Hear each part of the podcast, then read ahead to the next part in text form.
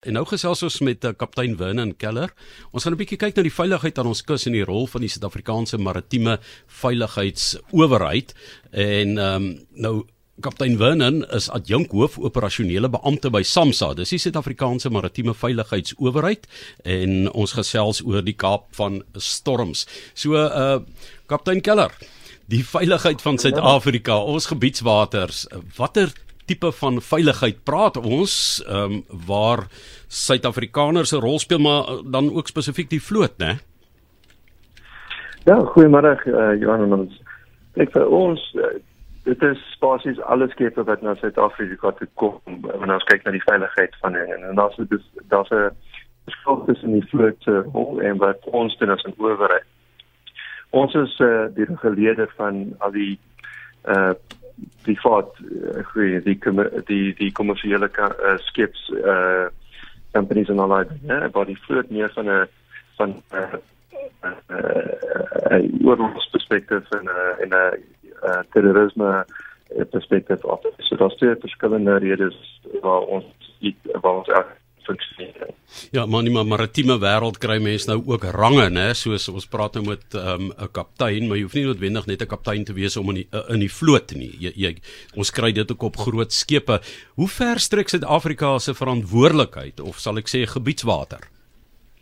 Ons gebiedswater is ongeveer 450 km uh, van die kuslyn af en en in Engelse terme is dit 200 nautical miles. So dit is die verskil nou as mens ek uh word translate in. So dis 'n redelike groot area en as 'n mens kyk na die die hele area wat ons verantwoordelik het is as Suid-Afrika is dit is dit eintlik 20.8 miljoen square kilometers. Kom ons gesels gou vinnig net oor die omstandighede in daardie gebied. Hoe rof raak dit? Dit raak baie rof. Ek kan julle verseker daarvan. So ons het gewoonlik elke jaar het ons insidente wat ons uh, uh dingetjies moet vooruitsteek.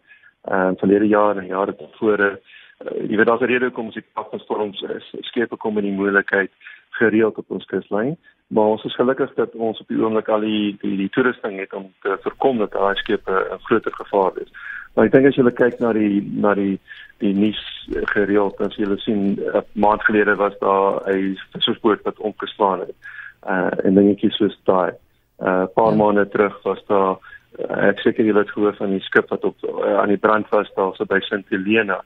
Ehm um, so is nogal redelik groot insidente wat ons het. Nie noodwendig te doen met die rol see nie, want ongelukkig mense doen soms verkeerde dinge wat op veroorsaak dat hulle in die moeilikheid inkom.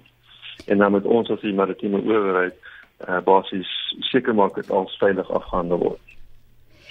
So jy word opgelei kaptein en dan moet 'n mens seker ook op hoogte bly van sake, op hoogte van nuwe prosedures wat baie keer ingebring word. Vertel vir ons net daardie prosesse ook sodat jy sogenaamd paraat bly in reddingsoperasies. Okay, so, so basies die die wat ons wat gebeur is, die meeste mense wat in die owerheid werk, is seemanne en uh, onge ongeveer 20 tot 30 jaar uh, hulle op see gespandeer het voordat hulle na die owerheid toe kom. So hulle is baie baie gereed om in te kom en dan as hulle inkom dan obviously leer ons hulle van hoe om ander dinge te doen soos om met uh, om met van die reguleerders se punt of view uh basiese reddingsoperasies te hanteer en kwikkies soos daai. So uh, daar is procedures uh, wat ons in plek het wat wat gebeur as daar skippe gevaar is wat ons dan basies initieer en dan uh, gebruik ons ander uh, ander van die, van die uh, vloot af of van die van die uh, af of van die polisie af of wat ook al hulle gebruik hulle bote of die, op die nasionale seereddingsinstituut of ons het ons eie boot wat ons gebruik om dan te te gaan na die waar ever die, die skip is wat in gevaar is. En die hele idee is om om te voorkom dat die skip op die op die op die uh, strand beland. So ons ons probeer dit weghou van die kus voordat dit 'n groter probleem word uh, vir uh, ons omgewing en die mense en die en die skip self. Is ingeskakel by 360 op RSG. Ons praat oor maritieme veiligheid en kaptein Vernon Keller is aan die woord. Kom ons gesels gou vinnig net oor die regulering van die skip. As 'n mens nou kyk na die rol daarvan wanneer dit wanneer jy in die moeilikheid kom, wat doen julle byvoorbeeld as 'n skip 'n gevaarlike kraak in die romp het, daai tipe van ding? Hoe hanteer julle dit daardie situasie? Okay, so wat ons gewoonlik doen in daai situasies is ons sal is 'n uh, beier uitstuur om te gaan kyk na die die skip self om te kyk hoe groot die kraak is. Uh wat die kanse wat die kraak versprei, wat kan mens uh doen om te voorkom dat die kraak kan versprei? En uh, wat ons ook sal doen is ons sal dan uh, wat mense noem 'n salvo dan saamvat soms om te gaan help om te kyk en dit miskien ander toerusting wat hulle kan doen om die kraak te te voorkom van versprei of om die, om die gat uh, temporarily toe te maak. Maar dan wat ons doen is, is as dit nou eers gestabiliseer het, dan gaan ons kyk waar kan ons die skip na toe vat sodat ons dit uh, kan regmaak behoorlik. En dit is waar wat hulle internasionaal noem as 'n place of refuge. So dit sal gewoonlik al of in die hawe wees wat die wat ons uh, eerder wil hê, want dan is die skip en die mense veilig. Uh, maar as dit nie in die hawe kan wees, sal dit wees in 'n stille baai of ietsie waar daar nie soveel van stormagtige weer is wat die reddingsoperasie kan voorkom. Wanneer ons gaan kyk na die moderne patrone van van van skeepsverkeer, dink mense onmiddellik aan amper sê ek die Nyl, maar die Suezkanaal en daardie skip wat dwars gedraai het daar die Panama kanaal die tipe van goed. Maar hoe besig is die Kaap van Storms nog die seeroete hier om die suidpunt van Afrika? Ons is baie baie besig hier want ons moet onthou ons is nog steeds in die die die die, area wat tussen oos en wes uh, handelsware wat wat vergaan word en natuurlik ons is ook baie besig as 'n maritieme uh, land so op enige oomblik as mens kyk net van die skepe wat ons kan identifiseer. Ons praat nou nie van die van die skepe wat nie identifikasie dra nie. Daar's 'n stelsel wat hulle uh, die satelliet mens die skip se se posisie kan pinpoint of goedjies soos daai. So as mens kyk na daai skepe op enige stadium is daar ten minste tussen 800 en 1800 skepe in Suid-Afrika se waters wat op see is. Dit dit is nie die skepe wat in die hawe is nie. Ja, dis 'n hele loetjie uh, daarvan. Het het nou met die ehm um, Ever Given wat daar vasgesit het in die Suezkanaal, het die mense baie van die skepe, die vragskepe om die punt toe gestuur van Afrika. Daar was nie soveel gewees nie, maar ons weet wel dat daar was 'n paar wat gekom het.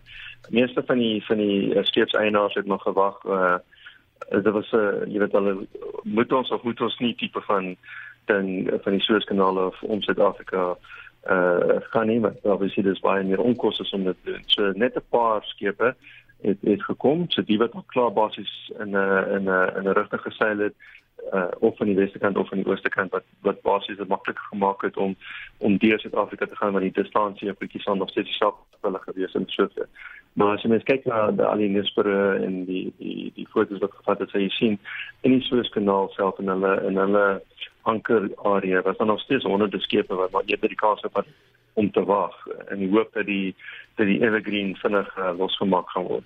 Kaptein Winnen Keller met wie ons gesels, ehm um, daardie insleepdiens wat ons tot ons beskikking het, daardie sleepbote. Hulle moet geweldig sterk wees want dit is jy weet sulke klein goedjies wat hier uitgaan en dan ehm um, het hulle hierdie magsvertoning wat hulle eintlik lewer daar. Vertel ons bietjie van ons sleepbote.